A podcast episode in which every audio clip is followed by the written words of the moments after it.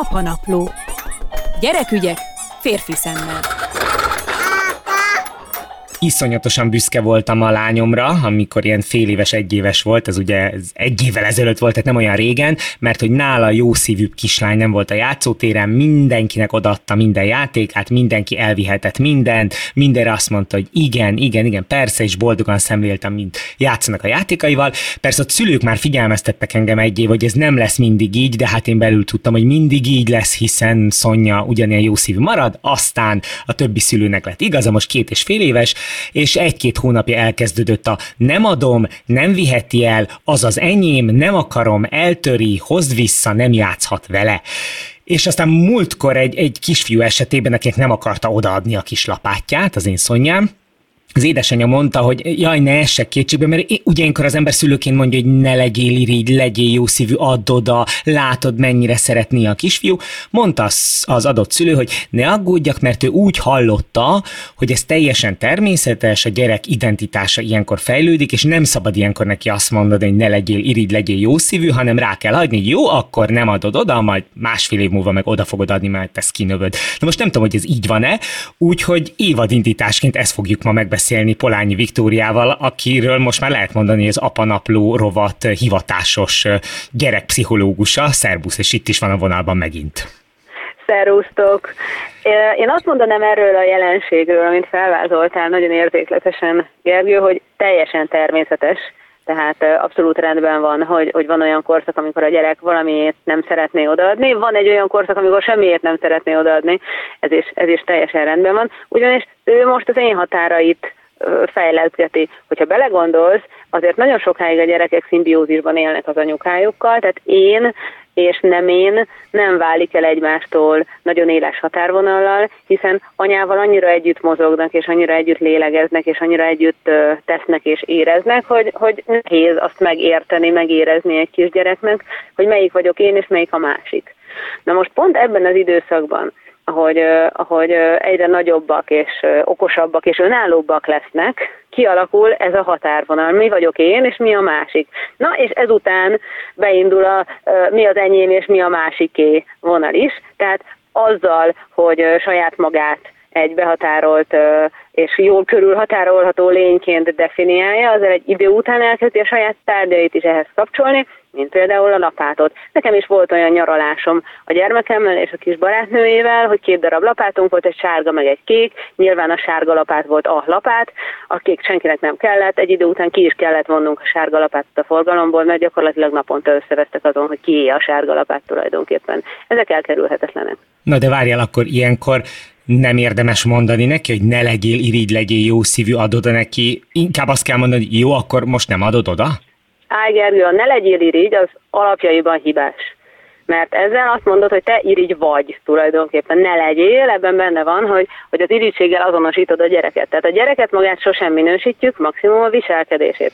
Tehát a kérdésedet jóra fordítva, még azt sem érdemes neki mondani, hogy ne viselkedj irigyen, mert ugye mindig csak a gyerek viselkedésére teszünk uh, ilyen minősítő megjegyzést magára a gyerekre, sem jót, sem rosszat, az álmos könyv és a pszichológiai szakkönyvek szerint sem jelent jót. Tehát, hogy még azt sem nagyon érdemes mondani, hogy ne viselkedj ilyen irigyen, inkább azt érdemes szerintem felvázolni, hogy mik lehetnek megoldási módok ebben a helyzetben.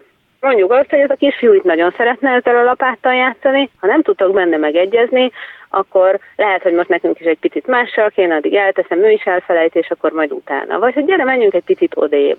Vagy, vagy megkérdezni a kisfiút, hogy nincs valami olyan játéka neki, amivel viszont a mi gyerekünk játszhatna, és akkor nem tudnak-e cserélni. Tehát, hogy megoldási módokat kell szerintem javasolni, de hogyha nincs konszenzus, akkor szerintem be lehet azt vállalni, hogy a gyerekünk nem, nem szeretné ezt most odaadni, és ezt a másik gyerek irányába is lehet kommunikálni. Hát ez a kedvenc lapátja Szonyának, ne haragudj, most nagyon ragaszkodik hozzá. Legközelebb talán majd odaadja.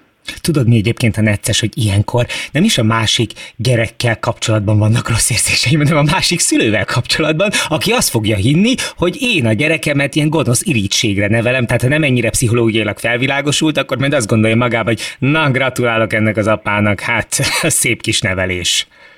Én azt hiszem, hogy szülőségünk során annyi, de annyi, de annyi-annyi olyan helyzet van, amikor más szülők egyetlen villanásból ítélkeznek a fölött, hogy mi milyen emberek és milyen szülők vagyunk, hogy ezek azok, amelyeket figyelmen kívül kell hagyni.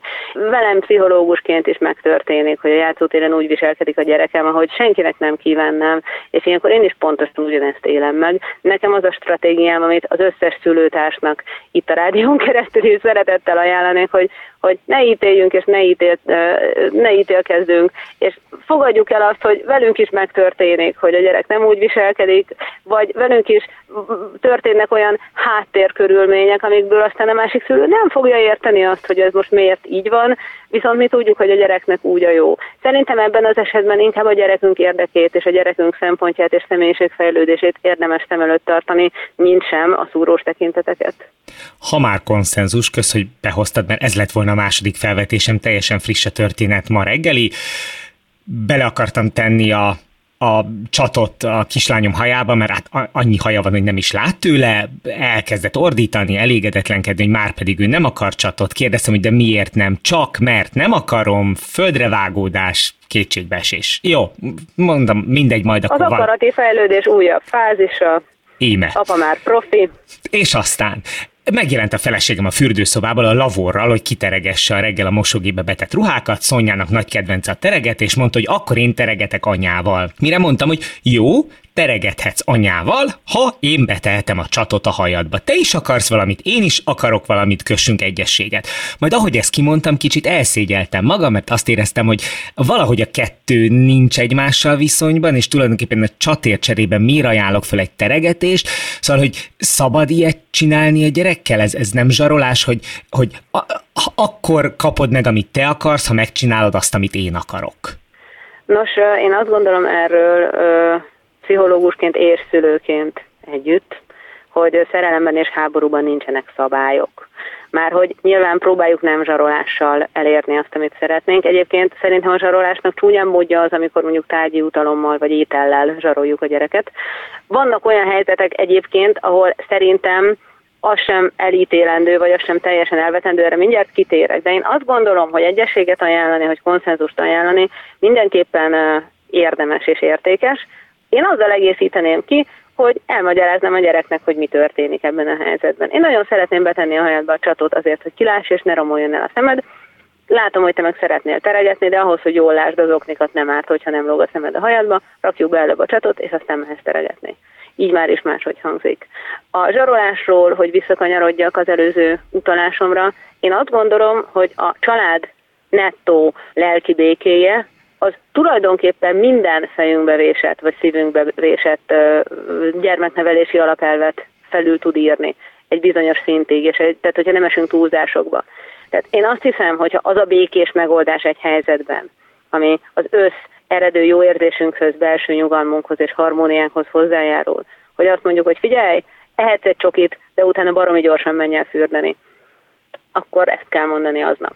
Aztán lehetséges, hogy másnap, már el lehet ezt érni mással, máshogy. Tehát nem, hogyha nem szokunk rá erre, hogyha nem ez az egyetlen eszköz a palettánkon, hanem van még 5, 6, 8, 10 másik, és időnként ezt előhúzzuk a kalapból, akkor szerintem ez rendben van.